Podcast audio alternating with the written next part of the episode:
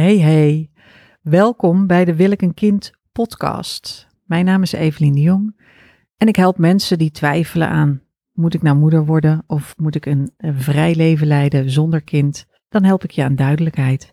En vandaag wil ik het met je hebben over vruchtbaarheid. Want het is European Fertility Week. En ze hebben een prachtig thema voor deze Europese week van de vruchtbaarheid. En het thema is Minds Matter.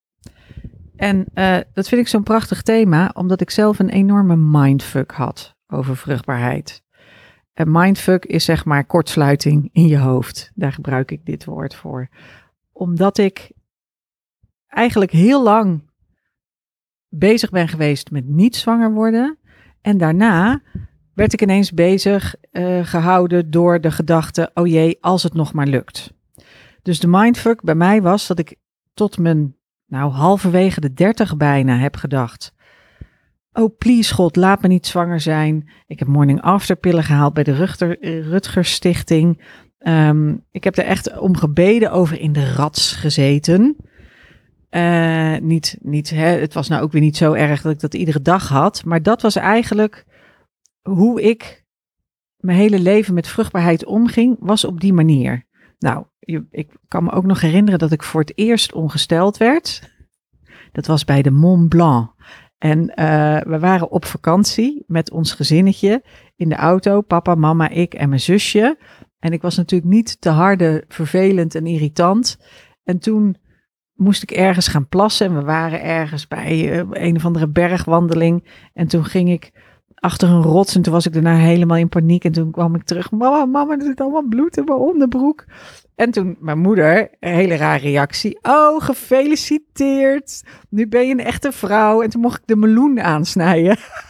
een hele grote watermeloen. Was een zomervakantie in de bergen. Maar vanaf het moment dat ik ongesteld was geworden, wist ik min of meer, want dat was seksuele voorlichting vroeger aan meisjes. Seksuele voorlichting was, pas op dat je niet zwanger wordt. Dat is het eigenlijk. Als je het met veel mannen doet, ben je een slet en pas op dat je niet zwanger wordt. En de volgorde kan verschillen, maar dat is zo'n beetje wat er aan seksuele voorlichting was. Als je geboren bent in 1973, dan herken je dit. En gelukkig is het nu anders. Het is nog niet helemaal ideaal, maar het wordt steeds beter. En um, ik weet ook nog, dit zat zo diep in mij verankerd. Die gedachte van pas op dat je niet zwanger wordt. En, um, en niet te veel met mannen naar bed gaan of niet te snel met mannen naar bed gaan. Want niet te snel seks hebben. Want uh, nou, dan word je minder waard. Daar kwam het op neer. En de mindfuck was dat ik op een gegeven moment een vruchtbaarheidsgrafiek zat, zag. En ik gebruik zelf in mijn masterclass twee statistieken of uh, twee wetenschappelijke bronnen over vruchtbaarheid van vrouwen. Omdat er één is waarvan ik zeg dat is wat motiverender. En de ander is die waar ik toen heel hard om heb gehuild. En dat is namelijk de vruchtbaarheidsgrafiek die je overal ziet die met de dalende lijn, en uh, het, is al niet veel om mee te beginnen, het begint op 25%. Dus per ovulatie heb je 25% kans op een zwangerschap. En dat is als je hè, 20 bent of als je begint met ongesteld zijn. Dus dat is als je nog een tiener bent. Dat is niet helemaal wenselijk. Sociaal-economisch gezien is het dan niet wenselijk om moeder te worden. Maar als je uh, de 30 passeert, is het nog maar 10% kans op zwangerschap per ovulatie. En vanaf je 36ste gaat die lijn vrij stijl naar beneden. En toen ik keek naar die grafiek, zat ik net bij die afgrond. Nou, lekker dan. en ik had geen vooruitzicht op het moederschap, want ik had niemand om het mee samen te doen. Of niet een geschikt iemand. Of de mensen die mij wilden, wilde ik niet. Uh, ik zat er in ieder geval mee. En van de een op de andere dag ging ik van heel mijn leven bang te zijn geweest dat ik zwanger zou zijn, naar absolute doodsangst dat het niet meer zou lukken. Dus dat is de mindfuck die ik heb meegemaakt. En dat laatste is eigenlijk twee keer ben ik daar echt. Ik, ik zoek het woord voor dat je een hele nare ervaring hebt, waardoor je denkt, nou goed. Het ene was dus die grafiek in dat boek. Ik janken. Ik weet ook nog waar ik toen was. Eh, in mijn eh, atelier. Toen was ik nog poppenspeler en dingen aan het maken. En ik dacht, ik moet het toch eens opzoeken. Nou, opgezocht, de dag zitten blaren met mijn handen in de klei. De tweede keer was, toen was ik hier heel verdrietig over en het nam mijn hele leven over. Dus het was ook niet iets wat op de achtergrond speelde. Ik werd echt daar doodsbang over. Maar ik probeerde dat te verdringen. Dus ik probeerde er zoveel mogelijk niet aan te denken. Maar op onbewaakte momenten nam het me gewoon over. En dat werd steeds erger. En op een gegeven moment was ik aan het werk op de trein naar het Siget Festival met mijn zus, met een groepje mensen. En toen waren we in een thermaalbad en toen zat ik weer eens te janken. Want ik wilde nog steeds heel graag een kind. En ik was zo bang dat het niet meer zou lukken. En toen zei mijn zus tegen mij: Nou, weet je, die angst dat het niet meer lukt, is ergens een reële angst. Want het kan zijn dat het niet meer lukt. Dat is realistisch. Maar hoe het je leven overneemt en hoe je er nu mee bezig bent. Ik herken je gewoon niet meer. Zou je niet eens gaan praten met een psycholoog? Mijn eerste reactie was: Noem je mij nou gek? Ben ik.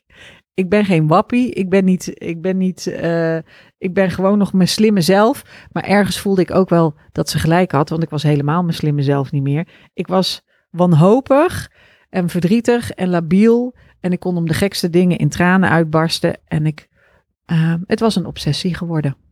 Et voilà. En toen heb ik bij terugkomst, ben ik naar de huisarts gegaan. Daar heb ik onverstaanbaar zitten snotteren. Die huisarts begreep dat meteen. Die schreef op een briefje psychische bijstand gewenst. Wegens onvervulde relatie en kinderwens. En toen via via ben ik bij een geweldige uh, psycholoog beland. En daar meteen toen ik daar ging praten, ging het eigenlijk al beter, omdat ik samen met hem allerlei dingen heb onderzocht. En allerlei uh, therapieën heb geprobeerd, eigenlijk. Verschillende therapieën. En een van de dingen die hij in die gesprekken tegen mij zei was. Toen we het er zo over hadden en over die angst hadden, toen zei hij: Weet je eigenlijk wel of dat je zwanger kan worden? En toen dacht ik: Huh? En hij bedoelde het heel concreet van, is er een keer, heb je een keer een zwangerschap af moeten breken? Of heb je een keer een miskraam gehad? Of ben je een keer zwanger geweest? Dus heb je, als je zo nadenkt over die morning after pillen en over die andere dingen, heb je dan een keer de ervaring gehad dat je zwanger was? En ik weet nog dat ik terugfietste, dat ik op mijn fiets zat en door de Jordaan fietste en dacht, non de ju. Non de ju. Eerst was mijn probleem alleen maar dat de kans klein was dat ik zwanger kon worden. En nu is het probleem nog groter, want ik ben misschien ook nog wel onvruchtbaar. En wat dan? Dan is mijn leven voorbij. Uh, want ik ben nogal van de hartstochtelijke drama. Dus dat was de mindfuck voor mij over vruchtbaarheid. Was dat als meisje leerde je, word niet zwanger en uh, doe niet te veel met mannen. En pas op dat je niet zwanger wordt. Vooral dat. En dat sloeg ineens om in zorg dat je een man hebt en zorg dat je zwanger wordt, want misschien ben je al wel te laat en heb je de boot gemist. En daar zit ook een verhouding in tot het twijfelen aan wel of niet een kind. Een verhouding in, het heeft een relatie met. ik weet niet waar deze zinsconstructie vandaan komt. Het verhoudt, het verhoudt zich tot die kinderwenstwijfel je vruchtbaarheid en je kinderwenstwijfel hebben met elkaar te maken. Want het kan best zijn dat je twijfelt aan het moederschap en dat je lange tijd het gewoon helemaal niet op de agenda hebt gehad. Dus dat het gewoon niet iets was waar je mee bezig was. Alleen misschien af en toe en misschien wel net als ik toen. En laat ik zeggen dat ik ben blij dat er daarin al heel veel verandert in de seksuele voorlichting aan kinderen. En ik volg Belle Barb. Ik denk dat je het zo uitspreekt. Uh, zij is een seksoloog en zij opende een keer eh, op het journaal een item over seksuele voorlichting uh, op scholen. En zij opende dat item met, nou, het is natuurlijk heel goed dat meisjes leren genieten van seks en dat ze kunnen aangeven wat ze lekker vinden. En ik zat op de bank en ik was flabbergasted. En toen was ik al, dit is vrij recent. Dus toen was ik al helemaal op de hoogte van dat vrouwen een clitoris hebben en dat je van seks mag genieten. En ik vind ook dat ik dat aan mijn dochter wil overdragen. Maar ik vind het ook heel moeilijk, omdat ik dus gewend ben dat dat dat niet voor vrouwen is. En ik ben nog steeds ergens pislink over de clitoris, maar ik zal daar in deze podcast niet over uitweiden, want het gaat over de vruchtbaarheid. Ehm, maar ik denk ook dat er bij die seksuele voorlichting dus aandacht moet worden gegeven aan hoe groot is de kans op een zwangerschap?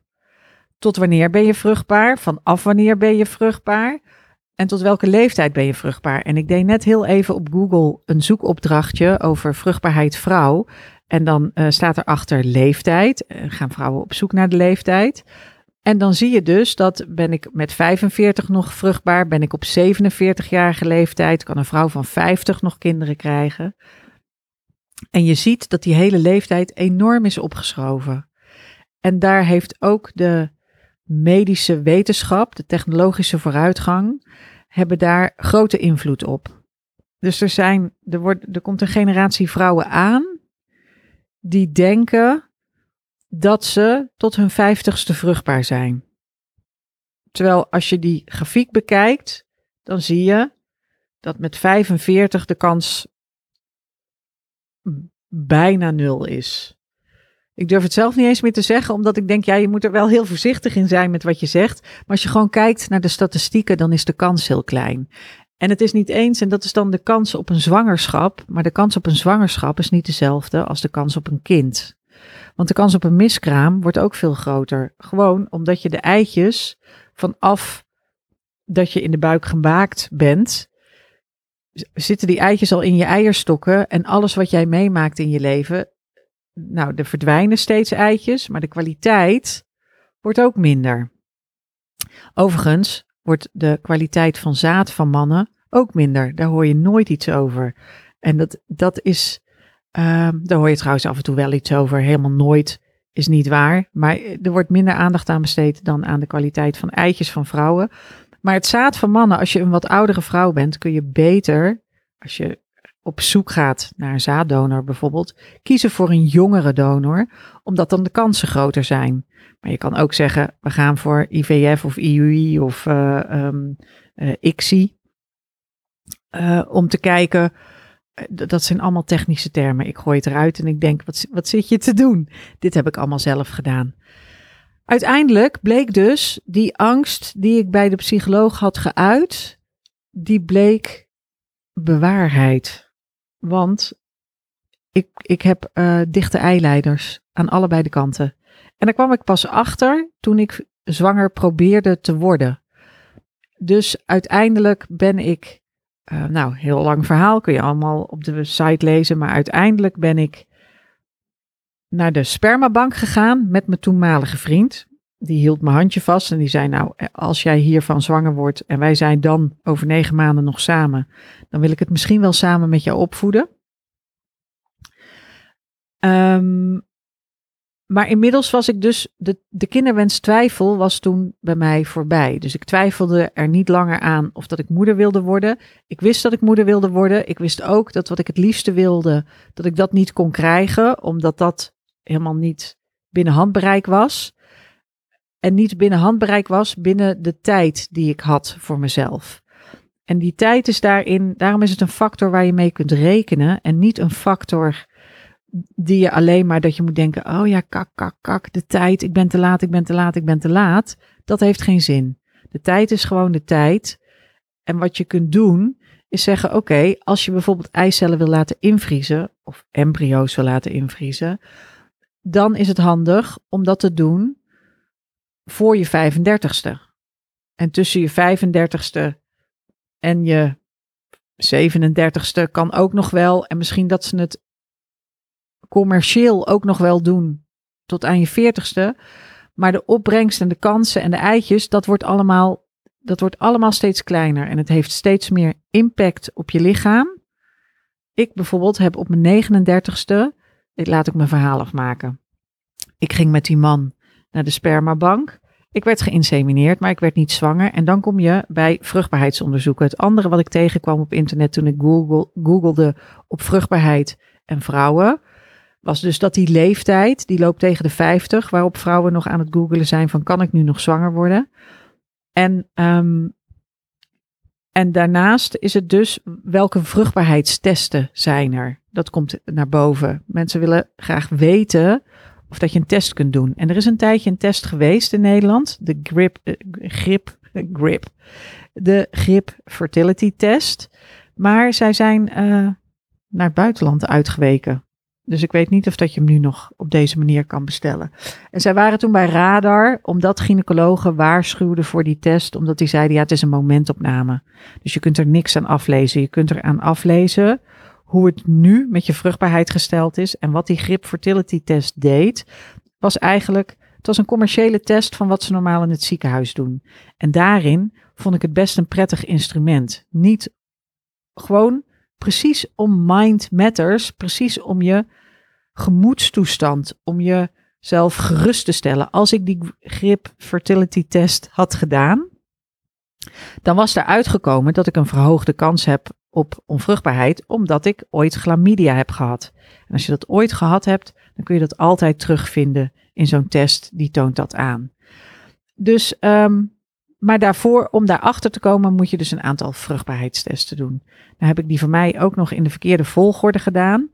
Wat er, er is namelijk niet maar één vruchtbaarheidstest. Dat vond ik trouwens ook een mindfuck. Ik dacht, je doet een vruchtbaarheidstest en dan weet je of dat je vruchtbaarheid uh, oké is of niet. Of dat je vruchtbaar bent. Maar zo werkt het helemaal niet. Dus je moet eerst zwanger proberen te worden. Nou, wat in sommige gevallen lastig is. En zeker als je twijfelt over wel of niet een kind, dan wil je helemaal niet zwanger willen worden. Maar dan kan je nog steeds graag willen weten of dat je vruchtbaar bent of niet. En um, de testen die ze dus, die griptest hormonen, die testen bijvoorbeeld de aanwezigheid van uh, ooit chlamydia gehad. Um, nou, dat soort dingen testen ze en dan zeggen ze: dit is, uh, dit zijn je kansen.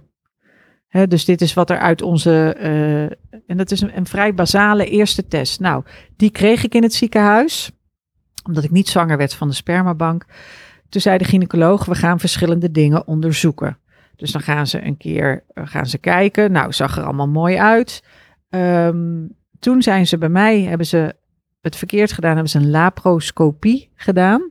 Dat is dat je een gaatje maakt, eh, oren dicht als je niet tegen eh, chirurgische taal kan. Maar dan hebben ze, maken ze een gaatje in de uh, vaginawand. En dan gaan ze met een cameraatje naar binnen en dan bekijken ze de buitenkant van de eierstokken. Zag er helemaal prima uit, was niks aan de hand. Dan moet dat dicht uh, groeien opnieuw. En dat gaat eigenlijk vanzelf en de vagina is een zelfreinigend orgaan. Dus daar hoef je verder niet, heb je niet een wond. Vroeger ging die uh, laparoscopie, die kijkoperatie via een sneetje in de buikwand. Maar dan heb je dus een wond waar je kleding overheen zit. Nou, kan allemaal ellendig zijn. Uh, en ik was een test toen. De gynaecoloog die dat deed bij mij, die zei, ja, ik heb het nog nooit gedaan. Maar ja, iemand moet de eerste zijn. Ik zei, nou, wil ik best zijn. Bij een commerciële, commerciële uh, kliniek, waar je gewoon, werd ook gewoon vergoed. Maar daar kon ik snel terecht dat moest daarna wel herstellen. En daarna ging ik weer naar het ziekenhuis voor een, een contrastvloeistof ding. En dan doen ze, spuiten ze contrastvloeistof in je baarmoeder. En dan moeten die door de hele eileider, dat is een haarvat, die naar de eierstokken loopt. En die moeten dan open zijn. Nou, die zaten bij mij potdicht. Dus um, in deze week van de vruchtbaarheid, die dus eigenlijk de week is van de onvruchtbaarheid. Want het gaat dus niet zozeer over uh, vruchtbare mensen. Het gaat over uh, niet makkelijk zwanger kunnen worden. Um, en in die, um, daar kwam ik dus achter dat allebei mijn eileiders dicht zitten. En dan kun je dus alleen, daar is wel IVF voor ontwikkeld. IVF, in vitro fertilisatie, betekent dat je de eicellen oogst uit de eierstokken. Je legt ze in een glazen schaaltje. Dat is het vitro gedeelte, glazen schaaltje. En dan kun je daar een zaadkwakje bij doen, de spermatozoïden. Je kunt ook de spermatozoïden inbrengen in de eicel. Dat is een extra goddelijke handeling, um, omdat je, dan selecteer je de spermatozoïden en die stop je in de eicel. En dan heet het ICSI. En uiteindelijk uh, hebben wij ICSI gedaan, want ik heb op mijn veertigste was ik dus aan de beurt voor IVF. Mocht ik samen met mijn vriend, die toen gelukkig mee wilde doen. Nadat hij dus eerst mee was gegaan naar de spermabank en mijn handje had vastgehouden. Omdat hij er niet aan toe was. Nou, al die vruchtbaarheidsonderzoeken. Ben je een jaar verder. Toen zei hij, nou, wij zijn best goed samen. Heel romantisch. Ik weet nog, we waren in Maastricht. We hadden net een weekje Ardennen gehad. En daar hadden we eigenlijk, had ik gezegd, aan het eind van deze week moet je zeggen of dat je meedoet of niet. Want ik ga, als wij terugkomen van vakantie, dan ga ik stappen ondernemen. En bij het fysiekenhuis moest ik een vriend meenemen met levend zaad. Om daar uh, die vruchtbaarheidsbehandeling uh, te mogen doen. Omdat ze in het UMC dat uh, daar mocht je met donorzaad. Maar bij het VU-ziekenhuis niet. En nu is het één ziekenhuis en ik weet niet meer hoe het nu zit. Maar is eigenlijk hartstikke discriminerend. Maar goed, ik zei ik moet het dus wel weten, want anders ga ik naar het UMC. Uh, als je niet meedoet en als je wel meedoet, dan, dan gaan we samen naar het VU-ziekenhuis. Nou, we reden terug uit de Ardennen. We gingen iets lunchen in Maastricht bij Café Chic. En um, daar zei hij, weet je, ik wil wel meedoen. Omdat ik denk dat als het misgaat tussen ons, dat we dan nog goed met elkaar overweg zullen kunnen. Meest romantische zin ooit. Let op deze zin, dames. Als een man zegt: Ik doe wel mee, omdat ik denk dat als het misgaat tussen ons, dat we dan nog goed overweg zullen kunnen. Nou, dat is het mooiste wat je kan overkomen. Dus dat was eigenlijk al pure winst. En um, toen uh, ben ik dat IVF-traject ingegaan. Dat was heel confronterend, want daar zeiden ze in het ziekenhuis: als wij het niet, uh, als wij denken dat deze behandeling onvoldoende resultaat zal boeken, dan behouden wij ons het recht voor de behandeling stop te zetten. En dat doen ze omdat ze goede cijfers willen hebben. Dus ze willen dat uh, ze, ze, je hebt gewoon percentages succesvolle behandelingen. En als jij de neiging hebt om niet een succesvolle behandeling te worden, dat is ook nog eens heel ernstig, dan sturen ze gewoon de laan uit. Maar goed, en uh, ze wilden ook je verwachtingen temperen. Dat is ook een soort mind ding, dat die artsen zeggen van nou, uh, wij zaten daar te praten met iemand en die zei kijk, de kans dat dit lukt is uh, nou ja, 10 à 15 procent. Dus hè, verwacht er niet te veel van. De kans dat dit slaagt is 15%. En toen kwamen we buiten en toen heb ik keihard staan huilen. En toen was er gelukkig mijn lief en hij zei, lieverd, ze kletsen maar wat. Het lukt wel of het lukt niet. Dus de kans is gewoon 50%. Het is of het een of het ander. Maak je niet druk. En dat werkte op dat moment heel goed. Eén eitje geoogst maximaal hormonen gespoten. Ik had daar zelf niet zoveel last van. Ik heb pas nog uh, iemand gesproken die daar heel erg tegen op zat, zag. Die zei van, oh ja, die hormonen en ik weet het niet. En mijn advies was, kijk gewoon, behoud jezelf het recht voor om te stoppen als je niet meer wil. Dus ga er gewoon, begin eraan. En als je denkt, oké, maar nu vind ik dit, dit overschrijd, ik ga mijn grenzen over, dit voelt niet oké, dan hou je er weer mee op. Um, en toen hebben ze één eitje geoogst. En toen moesten we ter plekke zeggen van, uh, er stond, alles stond klaar voor ICSI. Zullen we ICSI doen of niet? En toen dacht ik, ja, doe dat dan ook maar. Want alles is nu zo medisch geweest. En uiteindelijk bleef het medisch. Tot op het allerlaatste eind. Want uh, uiteindelijk lag mijn kind ook nog in een stuit. En dan mocht je kiezen, wil je, hebben ze het nog geprobeerd om te keren? Nou, dat lukte niet. En toen mocht ik kiezen, wil je natuurlijk bevallen of wil je uh, een keizersnede? En dan hè, in het ziekenhuis mag je proberen om natuurlijk te bevallen. En toen dacht ik, nee, doe ook maar een keizersnede. Een geplande keizersnede werd het. En daar was ik heel blij om, want achteraf had ze zeven keer de navelstreng om haar hals zitten. Dus als ik daar ooit zomaar aan was begonnen, was het enorm complex geweest. Dus ik heb ook een soort haat-liefde verhouding met de fertiliteitsindustrie. Omdat ik denk dat het. Uh, nou, ik las net iets op, in, op The Guardian. Er zijn dus stellen die uh, embryo's ingevroren hebben liggen of eicellen ingevroren hebben liggen. Maar die dat doordat ze in economisch zwaar weer terechtkomen, dat niet meer kunnen betalen. Dus dan heb je nog een embryo liggen of eicellen. Maar dan kun je het dus niet betalen om ze nog langer ingevroren te laten liggen. En ze kunnen het niet betalen om ze terug te laten plaatsen. En dat is natuurlijk ook naarmate je ouder wordt in Nederland, moet je echt veel geld meebrengen om die procedures te kunnen bekostigen. En dan is het natuurlijk heel zuur dat als je, dat als je een financiële klap krijgt, dat dan ook ineens je kans op het moederschap weg is. Of op het vaderschap. Daar geldt het natuurlijk net zo hard voor. Ik heb alles over vruchtbaarheid overigens uh, samengevat in een gidsje. Dat kun je downloaden op willekenkind.nl schuine streep gratis. Er gebeurt heel veel. Het gaat heel snel. Die fertiliteitsindustrie die uh, schiet vooruit en daar komen hele rare situaties ontstaan daardoor. Ik denk, wat me dus opvalt, is als ik nu vruchtbaarheid google en dat mensen zich afvragen: oké, ben ik op mijn, op mijn 45ste of op mijn 50ste nog vruchtbaar? En ik denk dat dat er ook mee te maken heeft dat we zelf langer fit blijven en dat iedereen ouder wordt. Dus je hebt ook langer de kans uh, om dat moederschap alsnog of het vaderschap. Ik doe even de vrouw als standaard. Ik vind het zo vermoeiend om heel de tijd allebei te gebruiken. Ik neem even de vrouw als norm. Om dat, uh, om dat in je leven in te brengen. En dat kan dus ook een enorme mindfuck zijn. Als je denkt van, oh ja, die kinderwens is helemaal niet mee bezig geweest. En ik vind het prima om kindvrij te zijn. En dat je dan ergens in de veertig bent en denkt, kak.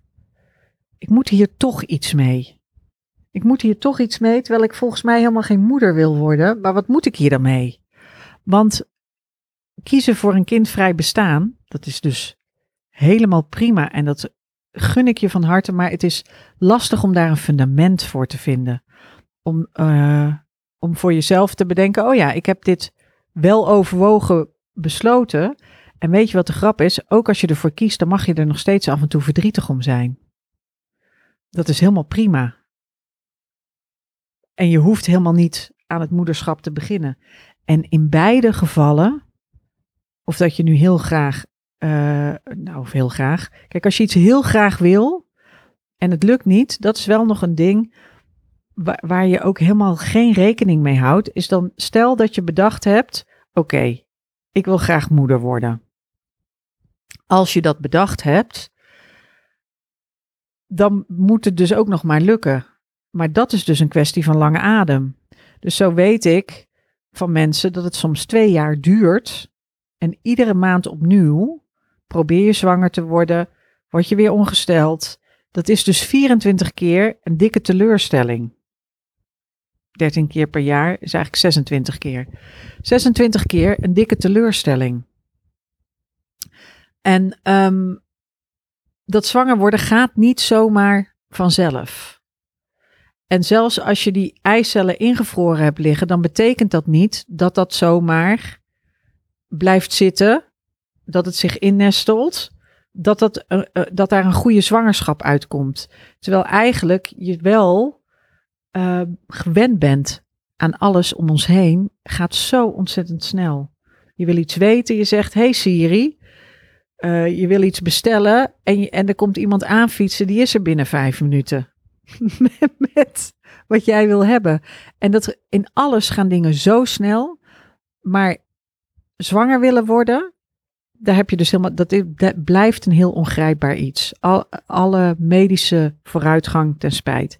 En dat geldt ook voor kindvrij willen blijven. Dan zul je dus moeten zorgen dat je niet zwanger wordt. En daarin uh, wat lastig is, is dat nou, je kunt ook als vrouw jezelf laten steriliseren. Alleen als je aankomt als vrouw van stel dat je begin 30 bent of in de 20. En je komt aan bij de huisarts en zegt ik wil me laten steriliseren, want ik wil geen moeder worden. Dan zul je altijd weerstand krijgen. Dan zul je altijd mensen zeggen, ja, maar dat weet je nu nog niet zeker. En dat is lastig terug te draaien. En ben je daar wel van overtuigd? En moet je dat wel, uh, zou je dat nou wel doen? En dat begrijp ik ergens ook wel. Er zijn andere. Eh, kijk, stel dat je. Kijk, geen seks vind ik niet de juiste oplossing. Het ligt er een beetje aan hoezeer je van seks houdt. En de pil, ik weet dat veel vrouwen daar moeite mee hebben. Ik heb er zelf, had ik daar enorm last van. In de zin van dat ik er labiel van werd. Dus ik heb, ik geloof wel vier of vijf verschillende pilsoorten geprobeerd. Misschien waren het er drie. De Mirena kan ik me herinneren. Dan was er nog een drie-fase pil. En er was nog een andere pil. En op een gegeven moment had ik ze allemaal gehad. En toen dacht ik, oké, dit werkt dus helemaal niet voor mij. En dus uh, was mijn geëikte voorbehoedsmiddel condooms. Maar ja, als er dan iets misgaat, ja, dan moest je naar de Rutgers Stichting. Waar ik dus ook nog een keer met hetzelfde vriendje kwamen we een week later weer. Waarop die man zegt: hey, jullie waren hier vorige week ook wel al. Kom nou maar even binnen, een kopje thee drinken en even een praatje aanhoren. En hier heb je een folder. Want uh, blijkbaar begrijpen jullie het niet helemaal. Maar uiteindelijk was ik heel tevreden over de Mirena. Ik ben wel flauw gevallen toen ze die erin zit, inzetten. De Mirena was heel raar. De Mirena is een hormoonspiraaltje. Ik weet niet of ik nu allemaal merknamen loop op te noemen. Misschien zijn er ook nog wel andere hormoonspiraaltjes. Maar daar ging ik heel goed op. Je hebt ook nog het koperspiraaltje. Um, alleen het inzetten was de hel. Ik wil je ook niet banger maken dan, uh, dan noodzakelijk, dan strikt noodzakelijk. Maar uh, het, was geen, uh, het was geen prettige ervaring. Maar als je dus wil leven zonder kind, dan, dan zit je daar weer mee. Dan moet je dus daarmee dealen dat als je wel seks wil hebben en je wil niet een kind, dan moet je daar dus op de een of andere manier voor zorgen dat dat niet gebeurt. En dan nog zul je misschien af en toe in spanning zitten. Als je nu twijfelt aan of dat je wel of niet moeder wil worden en je maakt je ook ergens zorgen over die vruchtbaarheid, en ik kan me ook voorstellen bijvoorbeeld dat als je denkt van nou, ik wil gewoon vrij leven zonder kind, autonoom bestaan. Waarom word ik steeds fucking ongesteld? Waarom moet ik al deze lasten dragen? Dat had ik zelf ook een beetje, stel je nou voor dat het ook nog eens niet lukt. Waarom heb ik dan al die ellende moeten doorstaan? En dat is iets, vind ik, daar mag je best een beetje boos over zijn. Of ziedend, mag ook van mij. Maar het is dus helemaal niet gek dat als je zegt, Oké, ik heb eigenlijk nooit getwijfeld. Ik wist dat ik niet dat ik geen moeder wil worden. Of als je zegt van nou, ik heb altijd gedacht dat ik moeder zou worden en nu weet ik het niet meer. Dat die vruchtbaarheid, en dat is eigenlijk ook gewoon de tijd, dat dat een belangrijk onderdeel daarvan is. Dus dat je zelf niet je kinderwens op de kaart zet, maar dat de tijd dat voor je doet. Dus ook als je denkt van nou, ik wil hier helemaal niks mee. En dat, dat je ineens denkt van verhip, ik moet hier toch iets mee. En dan is het gewoon goed om te weten wat de grafieken zeggen. Dus dan is het wel goed om die ene grafiek te hebben. Dat je denkt van, oh ja, per ovulatie zoveel kans. En tot slot, ehm, ik weet nog dat ik bij een uh, VPRO meetup was over eicellen invriezen. En dat daar een professor was uit Gent. En die zei, ja, wij zijn nu allemaal bezig met eicellen en embryo's invriezen. Maar we zijn eigenlijk al bijna zover dat dat helemaal niet nodig is. Dat we gewoon embryo's kunnen maken uit DNA. Dus dan kun je gewoon, nou ja, dat is eigenlijk ook een beetje scary science fiction shit. Um, dan kun je gewoon van lichaamsmateriaal en dat op kweek zetten en daar, hè, dus dan heb je niet eens die eicel nodig. Uh, ik weet eigenlijk heel weinig van biologie, dus ik weet ook niet of dat je dan een stamcel nodig hebt of een, een ander. Ik weet niet eens precies wat het is. Um, maar die, die technologische vooruitgang maakt dus dat dit vraagstuk veel langer een optie blijft. Dus dat het veel langer duurt voordat jij kunt zeggen: Oh, laat maar, that ship has sailed. Ik kan nu rustig mijn leven gaan leiden, want uh, de, de optie ligt niet meer op tafel. Dat is eigenlijk bijna. En, en ik vind ook niet, ik vind het ook belangrijk dat je weet: Oh ja, ik heb er nooit over nagedacht en nou komt die optie ineens op tafel liggen. Um, wat moet ik hiermee? Dat gebeurt, dat is normaal. Dus dat je niet denkt, ik ben gek, dat is normaal. Dat kan gebeuren, dat je er niet mee bezig hebt gehouden en dat je ineens denkt, verhip, ik moet me hier toch mee bezighouden. En omgekeerd kan het zelfs zo zijn dat als je, mocht je weten dat je geen kind wil en mocht je per ongeluk zwanger worden, dat je dan ineens de ervaring krijgt, ik wil het toch. Niets in mij wilde moeder worden, maar toen werd ik een keer per ongeluk zwanger En dat, dat je hormoonhuishouding helemaal verandert. En dat je ineens denkt, oh ja, maar ik wil het toch. En in alle gevallen, dus eigenlijk dat mind, uh, mind matters en de vruchtbaarheid. Dus als je hier nou een mindfuck over ervaart, over je vruchtbaarheid, zijn er een aantal dingen die je kunt doen. Je kunt die vruchtbaarheidsgids downloaden. Uh, je kunt, het andere wat je kunt doen is veel schrijven. Zelf hierover schrijven. Ik denk dat googelen helemaal niet zo'n beste optie is. Ook al zie je dat uh, nou, dat heb ik ook al eens eerder gezegd. Er was een uitzending van Nadia, talkshow, over oudere moeders. En daarin zag je, vroeger waren oudere moeders begin 40 en nu zijn oudere moeders rond de 50. En um, dat is gewoon een gegeven. Dat is, dat is iets wat ik signaleer. En dat betekent dus dat het, dat het voor jou ook langer kan blijven spelen. En dat je dus door daarover te schrijven en misschien eens een mindmap te maken en eens wat dingen op papier te zetten, um, kun je voor jezelf, zeker als je, als je in een dagboek schrijft, kun je voor jezelf eens zien van, oh ja, wat. Want soms kan het ook met je cyclus enorm schommelen, wat je wanneer, hè, welke mening, welke opinie je hebt op welk tijdstip. En uh, hou er rekening mee dat als je wil gaan voor een kind, dat het dus echt om door, dat is duursport. Het kan zijn dat het in één keer lukt. Maar ook dan is het duursport en blijft het allemaal heel spannend en is het dus heel belangrijk dat je goed voor jezelf kunt zorgen. Uh, nou, dit was de podcast over vruchtbaarheid. Als je er vragen over hebt, dan stuur me een mailtje. Ik ben dus niet heel erg thuis in alle biologische shizzle. Um, maar de sociale, de sociale connotatie eromheen, daar weet ik dan wel weer veel vanaf als cultuurwetenschapper. Ik wens je een vruchtbare, een vruchtbare voortzetting van je dag toe.